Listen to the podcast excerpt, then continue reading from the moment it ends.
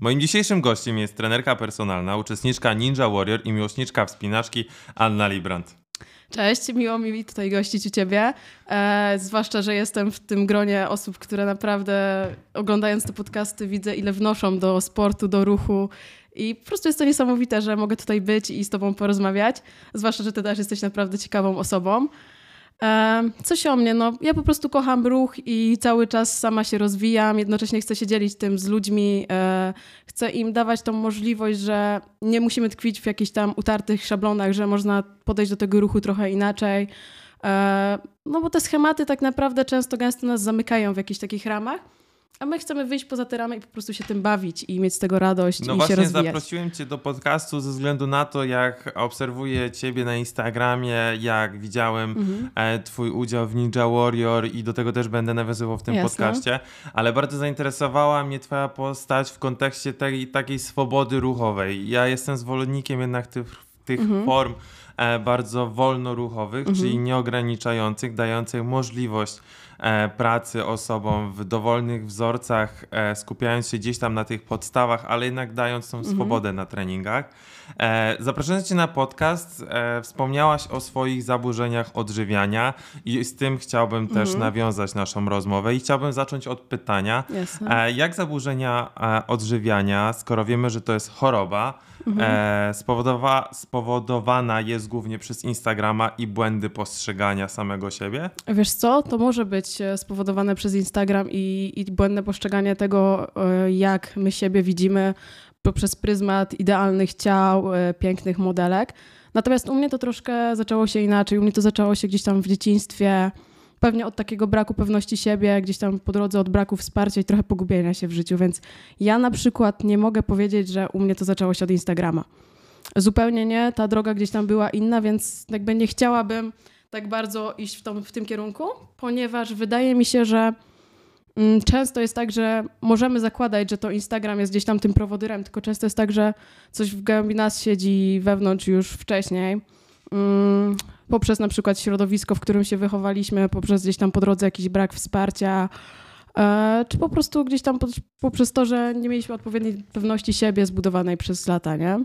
I to później jest tak, że my szukamy czegoś idealnego, bo myślimy, że, że coś może być idealne, a w życiu jest tak, że nie ma nic idealnego, że to jest wszystko kwestia tylko i wyłącznie naszej interpretacji i tego, jak my się czujemy w swoim ciele, mm, wynika tylko i wyłącznie z tego, jak my czujemy się z samym sobą, jak my rozumiemy siebie i jak wewnętrznie trzeba się po prostu gdzieś tam po drodze odkryć, żeby być po prostu szczęśliwym. A jak objawiały się twoje zaburzenia? Wiesz co, wszystko zaczęło się od tego, że ja stwierdziłam, że... Znaczy przestałam w ogóle trenować w pewnym momencie, bo wcześniej pływałam i przestając trenować gdzieś tam, no z automatu, chcąc nie chcąc, trochę przytyłam.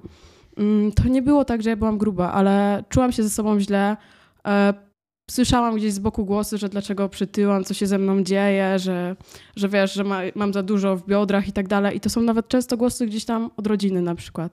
I w tym momencie, w wieku dojrzewania, ty nie do końca jeszcze jesteś pewny na tyle siebie, żeby poradzić sobie z tym tak wewnętrznie. Więc ja po prostu chyba znalazłam taką drogę na skróty i stwierdziłam, że okej, okay, no skoro tak, to, to chcę być lepsza, chcę pokazać innym, że, że mogę być piękna, idealna i tak dalej, co jest totalnie brednią po prostu. I no i przestałam jeść, nie? Na początku to się zaczynało od tego, że po prostu tam oszukiwałam. Na przykład jadłam obiad z rodziną, ale jadłam go bardzo malutko. Później przez cały dzień potrafiłam nic nie jeść. E, potrafiłam udawać, że biorę jedzenie do szkoły, nie jeść go, albo zjeść przez cały dzień tylko jabłko na przykład, nie? Mm, w pewnym momencie to gdzieś tam zostało dostrzeżone i to był ten moment, gdzie sama sobie, inaczej jakby rodzina mi trochę powiedziała, że Ania, coś się dzieje nie tak i sama sobie zdałam z tego sprawę, więc jakby dość szybko, na szczęście udało mi się to poukładać w głowie.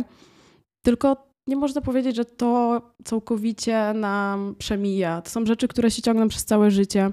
Mm, bo krótko po tym, jakby później wpadłam znowu w kompulsywne obiadanie. Były też jakby, jakby takie napady jedzenia, po czym nagle przestawałam jeść na 2-3 dni, żeby sobie to zrekompensować, bo nie potrafiłam sobie po prostu z tym poradzić.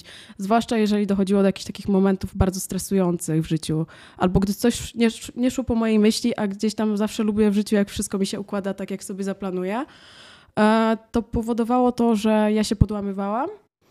e, i uciekałam czasami w to jedzenie.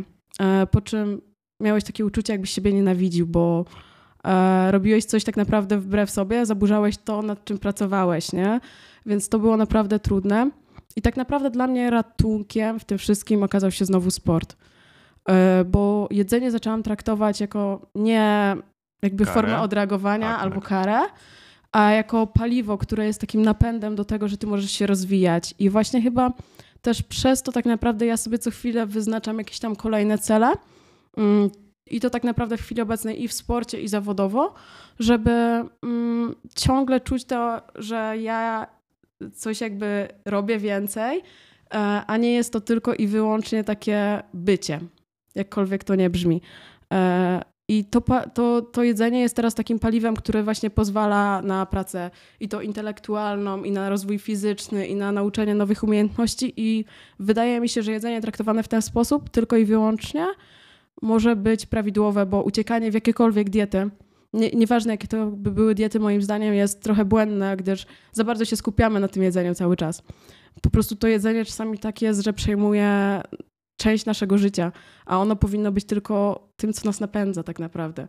I w momencie zrozumienia tego stało się dużo lepiej. Aczkolwiek nie mogę powiedzieć, że jestem do końca zdrowa, bo w momencie, gdy na przykład zdarzają mi się sytuacje, gdzie czuję się gorzej, gdzie, gdzie mam jakieś tam powiedzmy potknięcia po drodze, a każdy je ma, nieważne jakby się życie wydawało kolorowe, super, e, każdy z nas ma jakieś tam słabsze chwile, to widzę, że, że jest ta tendencja, że, że to jedzenie jest ważne. I wtedy muszę sobie bardzo mocno to układać w głowie, nie? No. Ale to nasila się w momencie, gdy jest stres, czy to nasila się w momencie, gdy jest przytłoczenie na to łokiem obowiązków, Wiesz co, to jest wszystko. To, to, to tak naprawdę wszystko może na to wpłynąć, nie? To czasami jest tak, że e, wydaje ci się, że jest już super wszystko, mm, wystarczy jedno małe potknięcie, które nawet ludzie by nie nazwali potknięciem, ale coś ci nie pójdzie i, i szukasz tej odskoczni, nie? Ale inaczej, to jest ważne, żeby właśnie to przepracować, żeby nie dawać sobie się pochłonąć znowu temu, tylko żeby tak po prostu w głowie sobie ułożyć, że hej, nie możesz tak robić, przecież po to poświęcasz całe swoje życie gdzieś tam robiąc to, co kochasz, realizując swoje cele, pasje, e, czy to zawodowe właśnie, czy sportowe. E, no i ważne jest w tym wszystkim to, żeby nie zgubić tego, tej myśli, nie? Bo jeżeli ty ją gubisz, no to w tym momencie naprawdę jest łatwo o jakieś nawroty, nie? Ja szczerze mówiąc, no, zaburzenia odżywiania miałam w momencie, gdy miałam 15-16 lat. Teraz mam 25 lat i od jakiegoś roku tak naprawdę jestem totalnie jakby czuję, że, że wszystko jest poukładane naprawdę dobrze.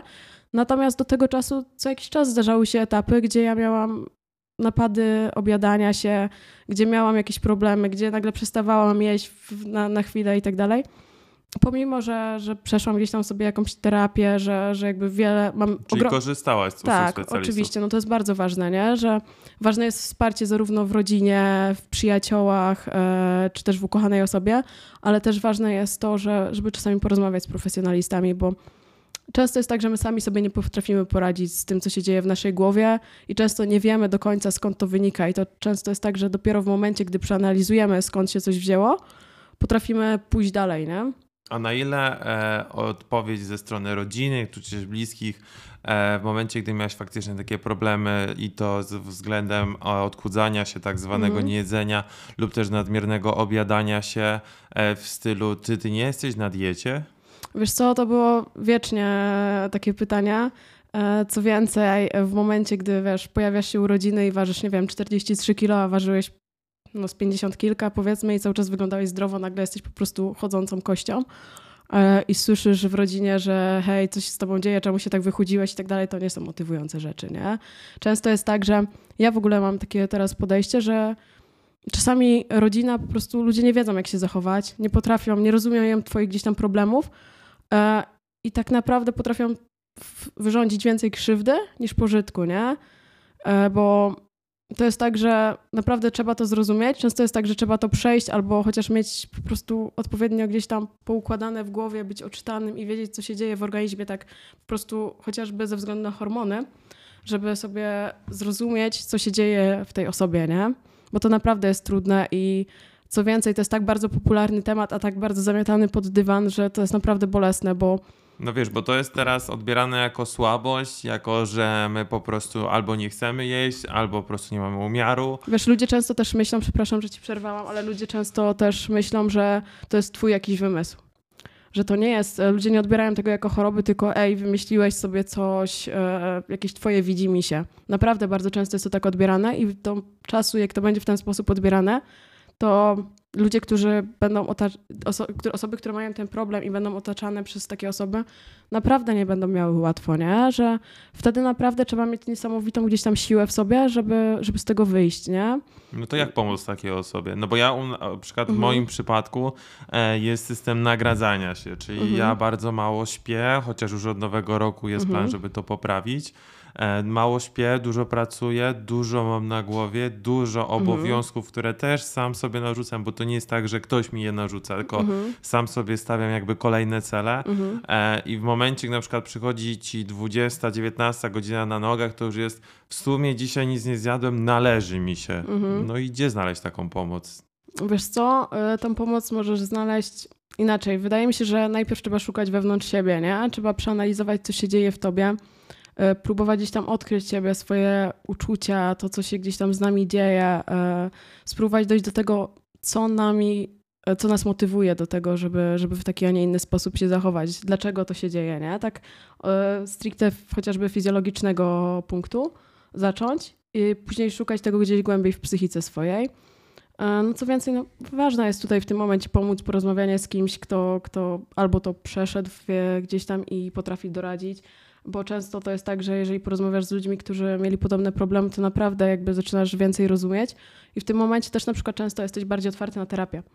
A terapia jest naprawdę ważna i jakkolwiek by to nie, nie było wstydliwe do ludzi i tak dalej, to jest coś, co, co potrafi nam po prostu uratować życie, nie?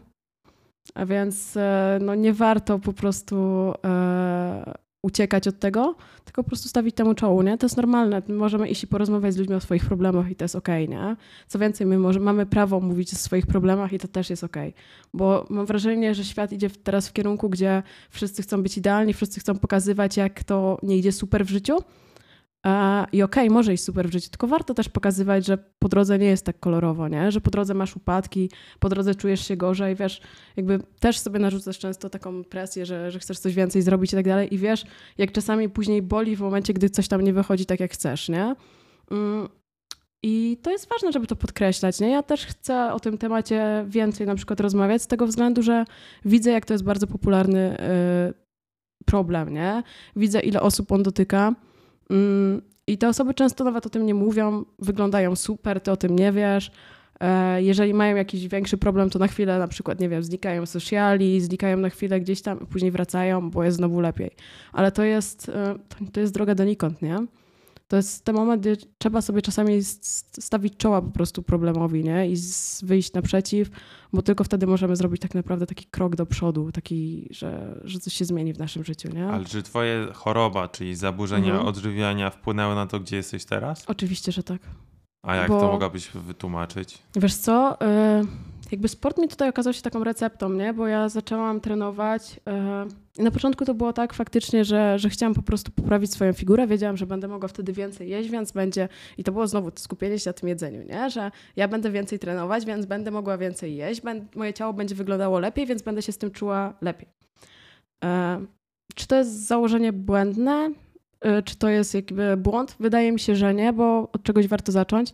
Natomiast po drodze zaczęłam szukać po prostu nauki nowych rzeczy, nauki umiejętności, zabawy tym treningiem, zabawy ruchem, odkrywania w tym siebie tak naprawdę, bo ja wydaje mi się bardzo mocno, że i te zaburzenia odżywiania i to, jak zaczęłam trenować, e, bardzo zmieniło moje podejście generalnie do życia, po prostu wiesz, do biznesu, do podejście do ludzi chociażby. Ja naprawdę się otworzyłam na świat, nie? Tak, tak naprawdę i jakby w chwili obecnej chyba wydaje mi się, że to jest tak, że ja naprawdę jestem bardzo otwarta na to, co się dzieje i wydaje mi się, że powinniśmy w życiu naprawdę wszystkiego spróbować prawie, że bo tylko dzięki temu dowiadujemy się, kim my jesteśmy, gdzie my jesteśmy i, i, gdzie dalej możemy pójść, nie? I tą taką piękną puentą chciałbym przejść do tego, jak narodził się Ninja Warrior.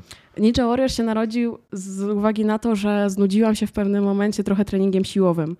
Siłowym, czyli kulturystycznym, trójbojowym? E, głównie trójbój, ale też połączony jakby z elementami takimi bardziej okay. siłowymi, więc to nie było tak, że tylko i wyłącznie trójbój. Łączyłam to z, też z, jakby z innymi elementami, natomiast to był trening głównie powiedzmy z ciężarem. E, no i po drodze stwierdziłam, że kurczę, no jakby pod, jestem coraz silniejsza, e, podnoszę coraz więcej, ale co za tym idzie? Co mi to daje?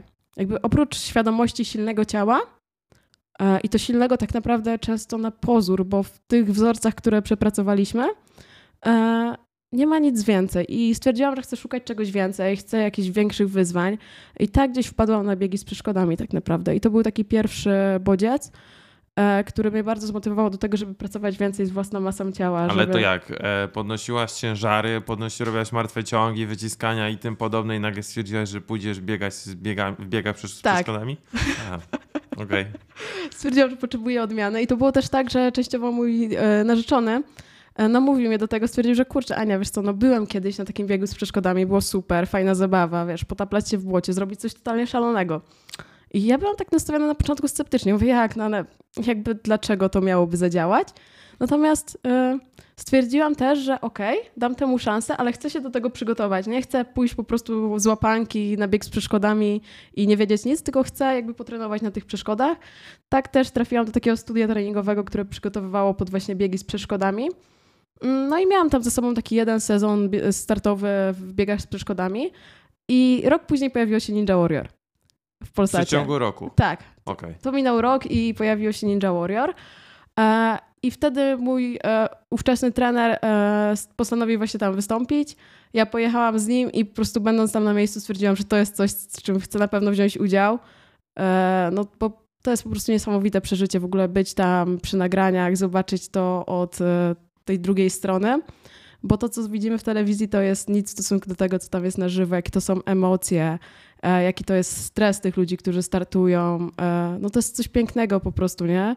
I stwierdziłam, że chcę się postawić tam, w tamtej sytuacji, trochę siebie sprawdzić e, i sprawdzić pod kątem tak naprawdę tej fizyczności i tego, jak bardzo jestem silna i jak jestem sprawna, ale też pod kątem tego mentalu, że, że czy tam wyjdę i damy sobie radę, nie? Bo to jest moim zdaniem tam dużo trudniejsze niż samo pokazanie swoich umiejętności jakichś tam sportowych, nie? I często jest tak, że osoby z ogromnymi umiejętnościami takimi sportowymi, nie radzą sobie w tym programie, bo im głowa siada, nie? Bo to jest ogromny stres, naprawdę, wiesz, czekasz e, kilka godzin na swój występ, nagle szybko tam wychodzisz, masz masę ludzi, publikę, e, pytania, wywiady. No to nie jest coś, do czego jesteśmy przyzwyczajeni na co dzień, nie? Przynajmniej większość z nas, więc to jest na pewno duże wyzwanie. Ale dla mnie to było takie piękne, że stwierdziłam, że jeżeli jesteśmy sobie w stanie w życiu radzić z takimi rzeczami i sami się stawiamy właśnie w takich dla nas stresujących sytuacjach, to to powoduje, że my się rozwijamy i my później potrafimy zrobić ten krok naprzód i, i coś zmienić w życiu, nie? Bo często jest tak, że jeżeli ludzie na przykład się zastanawiają, oj, czy wziąć udział w tym, czy nie, ja zawsze mówię, weź, spróbuj, naprawdę, bo to jest warte tego. Ale często też oni jakby mówią, że hej, no ale kolega mi powiedział, że przecież wiesz, to wymaga tyle siły i tak dalej. I często jest tak, że my jesteśmy zniechęcani przez ludzi, którzy mm, sami się czegoś boją, a my nie powinniśmy się bać, nie? Nawet jeżeli, jeżeli nam nie wyjdzie, to okej, okay, taka jest droga, nie? Ale fajnie spróbować po prostu. Po prostu warto spróbować, ale na ile jest e, kwestia przygotowania twojego fizycznego, a ile jest faktycznej głowy w kontekście udziału w takich zawodach? Wiesz co, e, wydaje mi się, że znaczy startując w drugim, bo startowałam w drugim i piątym sezonie i w drugim sezonie ja wiem, że fizycznie byłam niewystarczająco po prostu przygotowana, że ta baza nie była taka, jak być powinna, bo, bo trzeba więcej zdecydowanie dynamiki i tak dalej, więc jakby tam ten błąd traktuję jako po prostu to, że, że tam było. E, przytarcie szlaków. Tak, dokładnie, przytarcie szlaków. W piątym sezonie natomiast miałam tak, że to już było kilka lat treningów pod ninja. Mm, I to była strasznie duża presja, zawody ninja, e, ściganie się naprawdę z niesamowitymi ludźmi, niesamowitymi sportowcami, którzy całe życie poświęcają tylko temu. I wyobraź sobie, że ty poświęcasz 3 lata na przykład tylko i wyłącznie treningowi pod ten program i pod zawody. W tym momencie masz tak dużą presję, że nawet jak jesteś niesamowicie przygotowany, to naprawdę, żeby wygrać ze swoją głową, to jest niesamowita walka i, i ja na przykład w piątym sezonie wiem, że przegrałam ze swoją głową, nie? I teraz mam mm, taką misję, że też bawię się bardziej tym ninja i nie jest to dla mnie totalnie takim wyznacznikiem. E, bardzo mało startuję w zawodach. Mam w planie kilka zawodów, ale to są takie po prostu for fun. E, I wydaje mi się, że to będzie dla mnie dużo lepsze, bo wiem, że fizycznie jednocześnie rozwijam się niesamowicie, mam taki spokój w głowie, e, a przy tym nie determinuję swojego życia pod kątem tych zawodów i, i, i tego konkretnego wydarzenia. Stąd też myślę, że będę miała dużo spokojniejsze podejście do tego, nie? Jakbyś miała wydaje... zestawić, sorry, że ci przerwałem, -hmm, jakbyś miała zestawić swoją sprawność fizyczną, no. gdy byłaś w sztosie treningowym -hmm. Nastawionym na trójbój i sztosie treningowym nastawionym na Ninja Warrior, które było sprawniejsze? Zdecydowanie Ninja Warrior. A to, to nawet... sprawniejsze -hmm. dla ciebie znaczy i co? To, że potrafisz się poruszać szybciej, sprawniej, w różnych warunkach, nie wiem, patrząc nawet głupie, wyjście w góry ty jesteś naprawdę dużo sprawniejszy, masz wydolność, bo pracujesz nad tą wydolnością, bo musisz pracować nad wydolnością, pracujesz nad wytrzymałością bardziej. Twoje ciało jest po prostu przystosowane do większej zmienności ruchów do dziwnych ruchów tak naprawdę, do wspinania się, biegania. To trochę tak, jakbyśmy się cofnęli e, po prostu do jakiejś tam epoki, nie wiem, kamieniołomu. I w tym momencie dopiero, wiesz, jakby jesteśmy takimi łowcami, nie? I ty byłeś takim sprawnym łowcą, który coś potrafi zrobić, nie? Takim ja się śmieję, że takim lwem w dżungli, nie? Że jakby, mm, no to jest niesamowite, nie? Że to jakby jest zupełnie inna sprawność, to nie da się tego określić, bo to jest tak, że idziesz na spacer i ty, nie wiem, jak masz ochotę, to możesz się wdrapać na drzewo i to jest okej. Okay. E, czy to jest dziwne, czy nie, to jest podejście ludzi tylko i wyłącznie, ale to jest fajne na przykład i fajnie mieć taką umiejętność, bo nie wiem, będziesz w lesie, cokolwiek się wydarzy, nie wiem, dzik cię zaatakuje i ty jesteś w stanie sobie jakoś tam, powiedzmy, zadziałać, nie? E, no i myślę, że to ciało wtedy jest dużo bardziej ci wdzięczne, bo nie zamykasz się w tych utartych szablonach, tylko robisz coś więcej, nie? Fakt, że ninja jest dość kontuzjogennym sportem i to trzeba sobie powiedzieć, no bo jakby skoki na 2-3 metry i lądujesz tylko na rękach, no to powiedzmy sobie szczerze, że barki trzeba mieć niesamowicie silne e, i mobilne, a jednocześnie tak czy tak te ilość przeciążeń, ilość skoków powoduje, że no łatwo o kontuzję tak naprawdę, nie? Więc to był też powód, z którego stwierdziłam, że lepiej sobie zluzować, zacząć się bawić bardziej sportem, to sobie traktować właśnie tak e, do rozwijania się, do jakby fajnie podtrzymywać te umiejętności poszczególne, ale nie determinować tym swojego gdzieś tam życia takiego sportowego, nie? Czyli jakbyś została na treningu siłowym, byś była bardziej bezpieczna. Jeżeli chodzi o ryzyko kontuzji, to prawdopodobnie tak. Ale wybrałaś sprawność ogólną. Tak. Okej, okay. to nawiązując nadal do tematu kontuzji, no. co jest lepsze dla nas? Nie co? mówię tu już o sportowcach, mhm. osobach, które są nastawione typowo na dyscyplinę, mhm. ale mówiąc o osobach, które na przykład do nas przychodzą, mhm. bo też jesteś trenerem, Jasne. co byś poleciła? Co bym poleciła? Poleciłabym po prostu szukanie ruchu, który nam sprawia przyjemność, e, bo to jest kluczowe i rozwijanie umiejętności, uczenie się nowych rzeczy, ale bez, wiesz, bez przeciążenia tego ciała, nie? Bo w momencie, gdy przygotowałam się do zawodów, ja trenowałam 7-8 razy w tygodniu. No i to po prostu nie może być w żaden sposób zdrowe, nie? I, I tu warto o tym mówić, że hej, my nie musimy tyle trenować, bo ludzie mają czasami takie podejście, że jak widzą, że nie wiem, kulturysta bądź jakiś sportowiec trenuje 7 razy w tygodniu, to oni też mogą trenować 7 razy w tygodniu, a to tak nie jest, no. Jakby to jest wykonalne, nie? My mamy życie, pracę, E, no każdy ma jakieś tam swoje dodatkowe stresy i codzienne dokładanie sobie stresu, bo takim stresorem jest trening, nie jest dobre po prostu, nie? To jakby warto też o tym mówić, nie? Bo ludzie przeciążają swoje ciało zbyt bardzo, do, do No ale granic, czekaj, nie? czekaj, czekaj. Pan na no. YouTubie powiedział mi, znaczy ja go oglądałem, mhm. że trzeba trenować 5 razy w tygodniu, push, pull, legs albo inny split totalny, tak. e, a ja mam jeszcze dwójkę dzieci, e, biegam do przedszkola, e, mam stresującą pracę, bo mnie wkurwia e, szef, to jak 5 razy to, to nie jest za dużo? To jest za dużo. Ale ludzie tak to interpretują. No. Że skoro ktoś mi powiedział, a jego życie wygląda tak, że on wstaje, zrobi, zrobi jedzenie, zje je, poczeka, prześpi się może. Poczyta może sobie tak, w międzyczasie. Zrobi trening, wróci do domu, wrzuci rolkę na Instagrama i posiedzi przed komputerem. No i je, pojawia się problem. Twoje życie jest takie samo jak jego, to dlaczego robisz to samo co on? Każdy z nas jest zupełnie innym przypadkiem. Każdy, do każdego trzeba podejść e, personalnie, jakkolwiek. Ja wiesz, prowadzę zajęcie grupowe dla wspinaczy i, i po prostu dla ludzi, którzy gdzieś tam już trenują, powiedzmy, nie? Bo to jest najczęściej tak, że rzadko kiedy do mnie przychodzą osoby, które nie trenują niczego, tylko raczej jest tak, że przychodzą osoby, które rozwijają jakieś tam swoje kolejne umiejętności. No i to jest tak, że pomimo tego, że prowadzisz zajęcia grupowe, to ty się skupiasz tak czy tak na poszczególnych osobach, na poszczególnych ich jakichś tam słabościach, żeby je przemienić w tą siłę, nie? I to jest przede wszystkim ważne, że każdy jest zupełnie inny i nie każdy musi trenować w ten sam sposób, nie? I zrozumienie tego jest tak naprawdę kluczowe w rozwoju takim, nie? Bo my nie będziemy tak, tacy sami jak ktoś inny. Nigdy. Zawsze się czymś będziemy różnić, więc inaczej, może przemieńmy te nasze, powiedzmy, słabe strony w nasze silne strony i szukajmy tego, w czym my się będziemy dobrze czuli przy, przy tym wszystkim, nie? Bo to jest tak, że często zmuszamy się do czegoś, czego nie lubimy. No i po co? Czy o to chodzi w naszym życiu, żeby zmuszać się, nie wiem, do dźwigania ciężarów, jeżeli tego nie lubimy? No ale jeżeli, jest... jeżeli to lubimy, to jest super. Okej, okay, ale każdy z nas ma być silny. I teraz jakbyś miała zainterpretować silną osobę. Ale właśnie, czym jest siła, nie? I, do, I, pytanie, w czym, y, do czego chcemy ją wykorzystywać tak naprawdę, nie? Czy chcę być silny, bo nie wiem, bo na co dzień jestem, nie wiem, powiedzmy budowlańcem i dużo dźwigam i faktycznie wzmocnienie tego kręgosłupa i robienie martwych ciągów i dźwiganie może mi bezpośrednio przenieść się na pracę, może mi w tym pomóc i może mi pomóc uniknąć jakichś tam przeciążeń, bo to też tak może być. Ale jeśli y, my determinujemy siłę przez dźwiganie ciężarów, to tak nie jest, no bo zobacz, kalistenika to jest piękny sport. To jest sport, który, no i gimnastyka na przykład, bo ja często jest tak, że staram się łączyć te rzeczy, bo moim zdaniem jedno z drugiego troszkę wynika, nie? E, to są piękne sporty, do których nie potrzebujesz sprzętu, nie potrzebujesz nie wiadomo jakich wymyślnych rzeczy, a możesz zrobić wszystko ze swoim ciałem, nie? E, I czy to nie buduje nam takiej prawdziwej, funkcjonalnej siły na przykład? Takiej do wykorzystania na co dzień? Znaczy, wiesz, interpretując ludzi, którzy myślą o sile, myślą o sztandze, na którą dorzucisz bardzo dużą e, ilość kilogramów w postaci mhm. talerzy, ale nie interpretują też tego, że ktoś się może podciągnąć, stanąć na rękach, e, zrobić przewrót w przód, co tak. u siebie bardzo praktykuję, co moi podopieczni mogą potwierdzić, ale że każdy jest, jest molestowany. Zabawa, nie?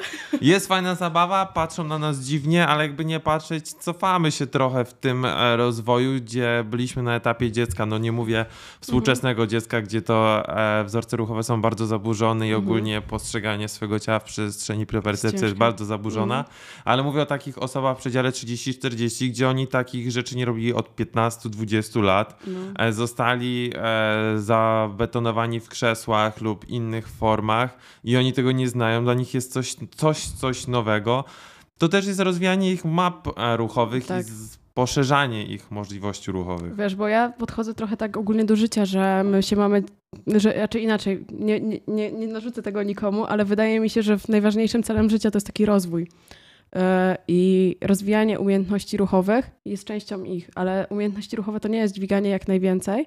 Fajnie jest umieć coś dźwignąć, nie wiem, umieć zrobić na przykład rwanie. Natomiast to nie jest tak, że ty musisz tam mieć, nie wiem, 120 kilo, nie?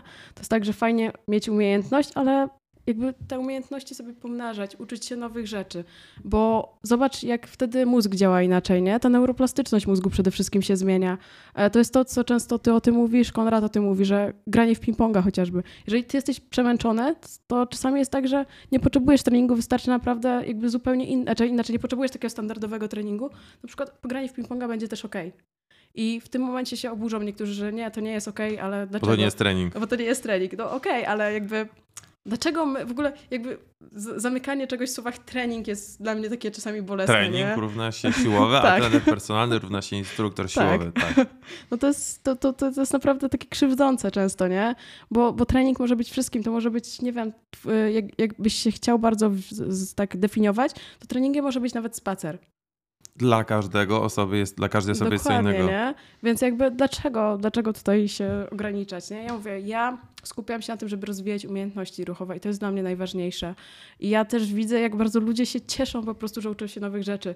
Jak, jakie to jest inne podejście w momencie, gdy oni, wiesz, cały czas byli nauczani w takie schematy, że okej, okay, nie wiem, ładujemy nawet, powiedzmy, trenowali e, wspinaczkę, i wiesz, trening uzupełniający to często były jakieś tam ćwiczenia z kalisteniki i tak dalej. A to na przykład były klasyczne pompki, podciąganie i tak dalej. I w tym momencie ty wprowadzasz ludziom, nie wiem, nowe elementy typu okej, okay, zaczniemy się uczyć, nie wiem, stania na głowę najpierw, później stania na rękach.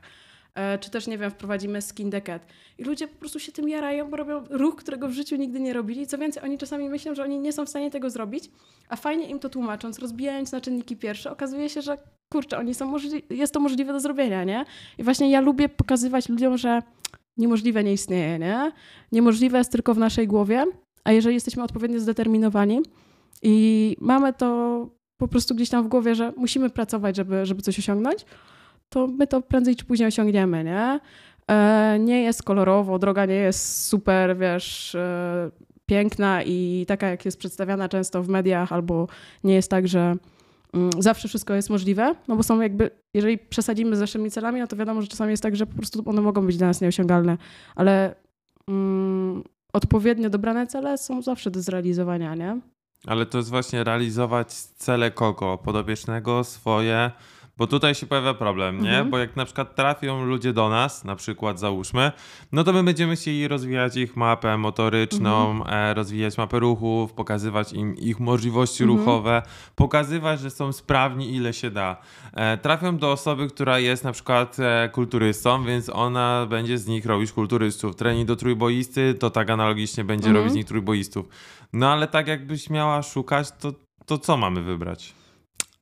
Wiesz co, to jest ciężko powiedzieć, bo to my nie powinniśmy wybierać, to ludzie powinni wybrać tak naprawdę, co oni chcą robić, nie? Wydaje mi się, że często jest tak, że jeżeli do nas przychodzą ludzie, oni widzą, co my robimy, im się to podoba i chcą do tego dołączyć. E, no bo nie przyjdzie do ciebie osoba, która wiesz, przez x lat dźwigała ciężary, żebyś przygotował ją raczej do trójboju no, siłowego, odeślę. nie? to ja takich no, osób nie Co biorę. więcej, właśnie, jeżeli dostajesz taką osobę na klatę, no to po prostu jej tłumaczę, że hej, no nie jestem trenerem dla ciebie, nie? Ja jakby skupiam się na czymś innym. Jeżeli chcesz się kiedyś nauczyć jakichś takich e, czegoś zupełnie innego niż to, co robisz teraz, okej. Okay. Natomiast jeżeli ty chcesz rozwijać te umiejętności, no to ja nie jestem dla ciebie. Chociaż zdarzyła mi się trójboiska, którą serdecznie pozdrawiam, mam nadzieję, że mm -hmm. to mhm. odsłucha, która przyszła do mnie z e, problematyczną końcówką e, techniczną mm -hmm. w martwym ciągu e, i bólem odcinka lędźwiowego. Wyprowadziliśmy ją ćwiczeniami, których nigdy w życiu nie, by nie zrobiła sama na siłowni, tak. ale przeszło, poprawiła, wysyła mi non-stop relacje, że jest coraz lepiej, coraz Super. więcej dźwiga. Można, można ale dodaliśmy jej ruchu, którego nie znała, znaczy mhm. może inaczej, znała, ale nie wykorzystywała go na co dzień. Mhm. I tu się pojawił problem w kontekście treningowym, że już gdzieś pewien e, złapała sufit i nie mogła przejść dalej. I tym sufitem lub kimś, kto by otworzył ten sufit, byłem ja w postaci tych głupich, dziwnych ćwiczeń, co my wrzucamy na Instagrama. Te ćwiczenia są genialne, nie? Często też wykorzystuję u siebie później u podopiecznych, bo to jest tak, że czasami zapominamy o jakichś wzorcach i później patrzę, yy, zerkam właśnie na twoje relacje i mówię, kurczę, no super ruch, nie? Warto go wprowadzić, bo często jest tak, że my się zamykamy w jakichś tam swoich e, rzeczach, których się nauczyliśmy, w swoich schematach, z tego, co wyciągnęliśmy, nie wiem, z jakichkolwiek szkoleń i tak dalej. A jest przed nami cały świat. My mamy dostęp do internetu, mamy dostęp do ty, takich źródeł wiedzy, że my naprawdę możemy robić niesamowite rzeczy, nie? I to jest tak, że nie warto sobie odbierać te, te, te, tej wiedzy, raczej po prostu y, analizować to, co do nas dociera i zastanowić się, czy to dla nas ok jest, czy nie, bo często jest tak, że wiesz, dociera do nas też wiele chłamu, jakby to po prostu nie powiedzieć, jest wiele rzeczy, które po prostu są bez sensu. No i trzeba to przesadzić i wiedzieć, co wybierać, nie? W tym wszystkim. Ale no to jest ważne, żeby się uczyć, nie? Bo w ogóle moim zdaniem wiesz, social media w chwili obecnej ja wykorzystuję głównie do tego, żeby poznawać fajnych ludzi, dzielić się wiedzą i też uczyć się od ciekawych ludzi, nie? Bo to jest dla mnie kluczowe i wydaje mi się, że ja na przykład nie lubię takiego mm, nacisku na social media, że one są tak bardzo złe i tak bardzo, wiesz... E, toksyczne. Z, toksyczne, bo naprawdę z nich można wiele wyciągnąć. Tylko to jest kwestia, co, czego ty oczekujesz od życia i czy, co ty chcesz z niego wyciągnąć, nie? I to jest na każdej płaszczyźnie, nie? Nieważne, czy to będzie w internecie, czy gdziekolwiek, nie? Bo poznając ludzi naprawdę jakby my się cały czas uczymy, nie? Więc warto się otworzyć na ludzi, warto ich słuchać, bo dzięki temu się rozwijamy, nie? A jak my się rozwijamy, to jesteśmy w stanie być po prostu lepszym człowiekiem, lepiej komuś pomóc, rozwiązać jego problemy, a to jest kluczowe w życiu, nie?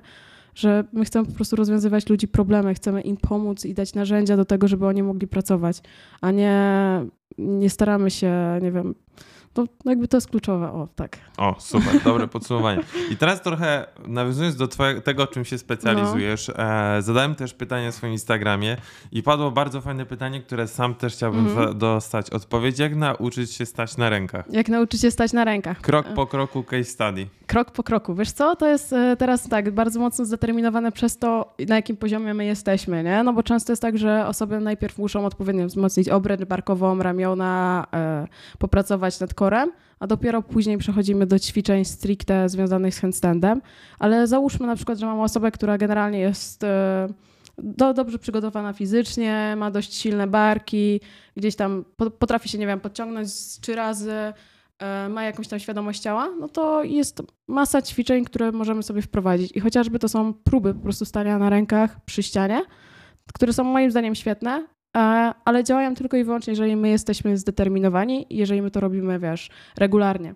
Bo to jest ćwiczenie, w którym regularność jest najważniejsza. Naprawdę, jakby Mm, sama wiem po sobie, że często miałam tak, że podchodziłam do stania na rękach, doszłam do jakiegoś tam poziomu i mówię, dobra, olewam, albo tam sobie trenowałam raz na jakiś czas, tylko jak mi się przypomniało.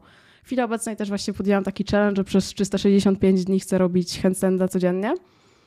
E, zachęcam każdego, kto słucha, może się dołączy do challenge'u, bo to naprawdę jest fajna sprawa. E, I możecie zobaczyć krok po kroku, dzień po dniu, jak się zmienia ta forma, jak się uczymy nowych wzorców, bo to jest tak, że to nie jest łatwe ćwiczenie, to jest bardzo skomplikowane ćwiczenie. To jest ćwiczenie, które jest bardzo koordynacyjne, więc po prostu jest tak, że każda osoba go w innym czasie się nauczy. To może trwać kilka miesięcy tak naprawdę. E, to nie jest ruch, który zrozumiemy w jeden, dwa dni. Mm, zależy to też od naszej bazy sportowej, od tego, co wcześniej uprawialiśmy, na ile mamy taki powiedzmy talent motoryczny, na ile jakby rozumiemy swoje ciało. Bo czym bardziej rozumiemy swoje ciało i czym bardziej znamy jakby każdy mięsień, wiemy jak on się napina, tym jest nam łatwiej po prostu. Natomiast takie fajne ćwiczenia to właśnie jest chociażby stawanie na rękach pod ścianą, ale pierwsze co i najważniejsze, to zapomniałam, to jest nauka po prostu odpowiedniego upadania. Czyli przestawiamy sobie rękę, lądujemy na bok, nie, nie lecimy w mostek, nie kombinujemy, bo to jest pierwsze, żebyśmy czuli się bezpiecznie z tym. Bo to jest tak naprawdę ważne w tym ćwiczeniu, że albo fajnie mieć kogoś do asekuracji, albo musimy się czuć bezpiecznie, bo dzięki temu możemy zrobić krok do przodu, bo ta pewność siebie jest naprawdę ważna w tym ćwiczeniu i odwaga, nie? Mm, bo to przełamujemy swoje bariery, nie? No po pierwsze jesteś do góry nogami, gdzie na co dzień raczej nie jesteś do góry nogami. E, no więc e, to naprawdę bardzo pomaga. E, no mówię, to później jest stanie na rękach pod ścianą, zarówno zwracane plecami, jak i na przykład brzuchem. Mhm. E, można też robić super akcesoria ze skrzynią, gdzie po prostu jakby jesteśmy rękoma oparci o ziemię, mamy nogi na skrzyni i sobie podnosimy nogę do góry, przez co uczymy się tej świadomości biodra na przykład, nie? Tylko, że to jest tak, że nie ma takiej złotej recepty na nauczenie się handstandu, bo każdy z nas będzie potrzebował czegoś innego. E, w zależności od tego właśnie jak mamy, jak, jak jest nasze ciało, gdzie mamy jakieś braki, tam musimy to przepracować, nie? Najczęściej jest tak, że ja się spotykam, że mm, no powiedzmy z osobami, które raczej mają dość silne barki, ramiona i jakby tutaj jest ok. Często musimy popracować nad otwarciem klatki piersiowej e, oraz najczęściej nad pracą biodra. To są takie chyba kluczowe rzeczy. No i przede wszystkim praktyka, praktyka i praktyka, nie? Bo to jest szukanie równowagi. E, szukanie równowagi gdziekolwiek nie trwa szybko, nie? Zobacz, szukanie równowagi w życiu jest, jest jak, jak, bardzo jest trudne. E, w handstandzie jest tak samo, nie? To nie jest proste. Więc no, to jest takie no, ciągła nauka i mówię, praktykowanie tego, nie? Mhm. Ale na, powiedziałaś o odwadze i teraz mhm. e, nawiązując do tej rzeczy, którą też się zajmujesz, mhm. czyli wspinaczka. Tak. Jak odwaga e, ma się do wspinaczki? No, jest bardzo ważna, a jednocześnie może być e, naszym wrogiem. W zależności od tego, jak bardzo jesteśmy skrajni, jak bardzo jesteśmy uzależnieni od adrenaliny, bo to jest często tak, że masa wspinaczy jest bardzo uzależniona od adrenaliny. No i jednocześnie coś to wiąże z tym, że jest jakby wysoka pewność siebie związana z umiejętnością tych poszczególnych ruchów, przez to jesteśmy odważni i czasami po prostu można popełnić głupi błąd i można sobie zrobić krzywdę, nie? Natomiast jest to kluczowe przy nauce generalnie wspinaczki, przy nauce nowych ruchów. Wiesz, mama, na przykład bardzo często, ta, zwłaszcza nowoczesna wspinaczka i bouldering jest tak, że one wymagają od ciebie bardzo dynamicznych ruchów, skoków. To jest trochę jak ninja, nie? I jakby masz je w różnych płaszczyznach, więc no, trzeba bardzo przemalowywać swoją głowę, nie? Czyli to prawda, że wspinaczka jest najbardziej ogólnorozwojowym sportem? Nie chciałabym tak powiedzieć. Nie? Nie. wydaje mi się, że nie da się określić jednego sportu, który jest najbardziej ogólnorozwojowy. Ja bym nie chciała naprawdę tak zamykać, powiedzieć, że hej, to jest najlepsze, a to jest najgorsze. Bo sama wspinaczka, znaczy nawet inaczej, nie jesteś w stanie być dobrym wspinaczem, robiąc ty tylko i wyłącznie się wspinając. Mhm. No bo jakby też y, potrzebujesz bazy siłowej, e, potrzebujesz od, wzmocnienia odpowiedniego core, no bo jakby inaczej e, większość takich naprawdę wspinaczy na najwyższym poziomie, nie wiem, chociaż potrafi front lever, back levera, podciąga się, robi lapy i tak dalej. To nie są rzeczy, które, nie wiem, tylko i wyłącznie się wspinając zrobisz, nie? To są elementy, które musisz przepracować, to są elementy, które często, wiesz, no na przykład lapa pracujesz specjalnie nad tym, żeby nie robić go siłowego, tylko jak najbardziej dynamicznego, żeby przejść na wspinaczkę i być bardziej dynamicznym, żeby tracić jak najmniej energii. To jest ta ekonomia, o której mówimy, nie? Że zwłaszcza robiąc na przykład dłuższe, drogie jakieś, no to już czym większa ekonomia ruchu, tym lepiej, nie? Więc e, w tym momencie tak naprawdę każde twoje umiejętności muszą być naprawdę bardzo mocno rozwinie, rozwinięte, nie? Więc moim zdaniem wspinaczka jest bardzo ogólnorozwojowym sportem, ale to nie jest tak, że to jest tylko wspinaczka, nie? To dlatego ja też prowadzę zajęcia dla wspinaczy właśnie typowo uzupełniające, bo widzę, jak wiele braków jest e, w tym sporcie, nie? Weszłam też z innej zupełnie dyscypliny. Ta wspinaczka weszła gdzieś tam po drodze, bo chciałam wzmocnić chwyt, chwyt pod ninja tak naprawdę, nie? Więc to był taki totalny przypadek. Ja przepadłam, bo, bo po prostu pokochałam ten sport, nie? E, dla mnie to jest taka wolność, zwłaszcza jak wyjeżdżasz w skały, jesteś w lesie, wspinasz się, masz cudownych ludzi wokół siebie, masz fajny klimacik, no jakby to są rzeczy, których nikt nam nie zabierze, nie? To są jakieś takie wspomnienia, które są po prostu warte każdej, każdego po prostu, wiesz, e, potu, który wyciśniesz na sali treningowej, nie? Mm, no i wydaje mi się, że właśnie błędem wspinaczy często jest to, że oni tylko i wyłącznie się skupiają na wspinaczce, a nie uzupełniają tego, bo widzę po sobie, jeżeli weszłam z odpowiednią bazą siłową, ja na przykład w chwili obecnej nie wspinam się jakoś długo, a potrafię robić drogi na takim poziomie, na którym osoby są, które wspinają się na przykład, nie wiem, 4 lata. Dlaczego? No bo mam dużą bazę siłową. Ale co gdyby połączyć moją bazę siłową z ich techniką, a co gdyby ich technikę połączyć z moją bazą mhm. siłową, nie? Albo nawet z połową tej bazy siłowej no to my mamy tak naprawdę zestawienie idealne. Ja też obserwuję najlepsze wspinaczki na świecie, na przykład chociażby Alex Puccio, którą mega polecam, to jest niesamowita po prostu inspiracja dla mnie. E, to jest jedna z lepszych wspinaczek na świecie, ale przede wszystkim ona jest niesamowicie silna, nie? Silna, sprawna, gibka. Tak bym to określiła, nie? Bo tutaj jest tak, że mm, nie samą siłą tutaj żyjemy. Sama siła nie determinuje nam tego, że będziemy dobrym wspinaczem, technika nam, czyli opanowanie umiejętności technicznych jest bardzo ważne, ale jednocześnie też bardzo ważna jest e, na przykład mobilność, na przykład dbanie o odpowiednie rozciągnięcie. No naprawdę jakby tutaj mamy tak dużo zmiennych, że żeby być dobrym spinaczem, to inaczej, jeżeli ktoś chce być dobrym spinaczem, to w tym momencie to naprawdę jest jeden z najbardziej ogólno takich rozwojowych i najlepszych sportów dla mnie, ale tylko w momencie, gdy my się właśnie skupiamy na wszystkich tych detalach, a nie tylko zamykamy się, że okej, okay, ja się tylko wspinam. To tak jakbyś powiedział, że okej, okay, to ja tylko biegam. I, no tak. I samo bieganie w sobie jest spoko. Bo dlaczego nie? Tylko, że zobacz, jeżeli ty będziesz biegał codziennie, to sobie zrobisz więcej szkody niż pożytku. Tak samo jak się wspinając codziennie, to sobie w pewnym momencie zrobić więcej szkody niż pożytku, nie?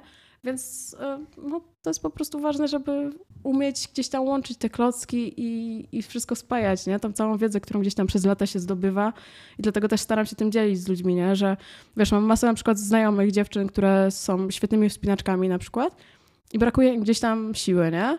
I właśnie jakby moją rolą trochę jest tym, żeby zwrócić im uwagę, bo to nie chodzi o to, żeby, żeby ludzi teraz mówić, że hej, ty musisz, wiesz, teraz robić trzy treningi siłowe. Nie, no po prostu dorzuć sobie do tego treningu wspinaczki, trochę podciągania, trochę pompek, przepracuj. Inaczej to nawet twoje ciało będzie ci wdzięczne, twoje barki będą silniejsze. Wiesz, często jest tak, że wspinacze się mierzą z, łokcia, z łokciami tam golfistów, tenisistów, e, z jakimś bólem barków, mhm. a to wynika z tego, że po prostu nie masz odpowiedniej bazy, nie?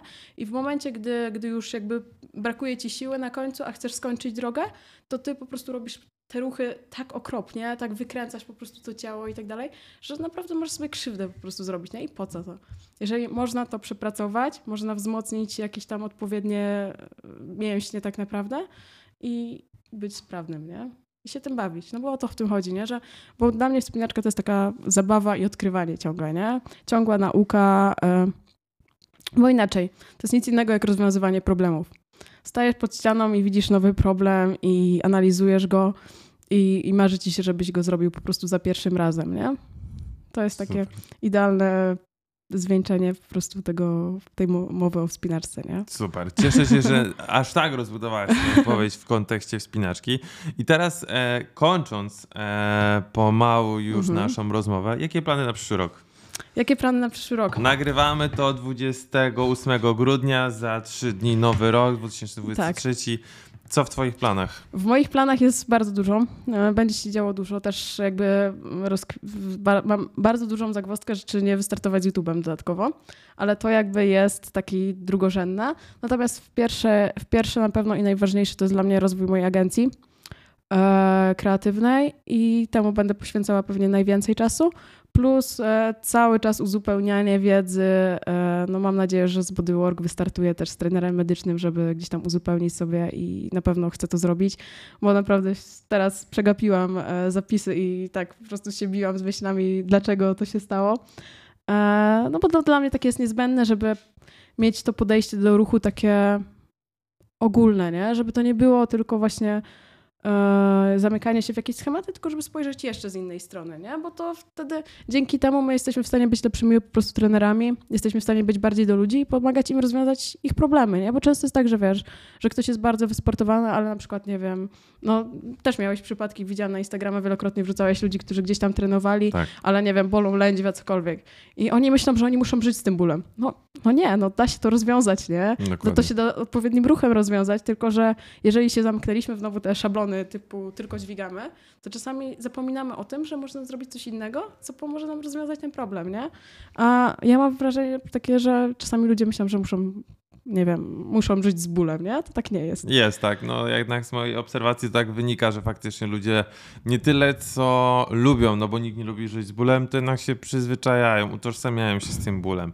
E, tego chciałbym Ci życzyć, kończąc ten podcast, żebyś zrealizowała swoje postanowienie no. i żebyś faktycznie osiągnęła to, co chcesz.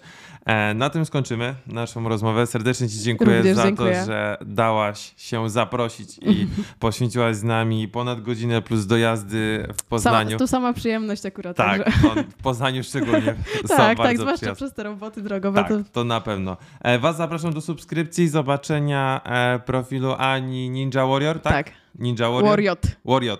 Ninja Warrior. E, I widzimy się w następnym podcaście. Dziękuję, Dziękuję. pięknie.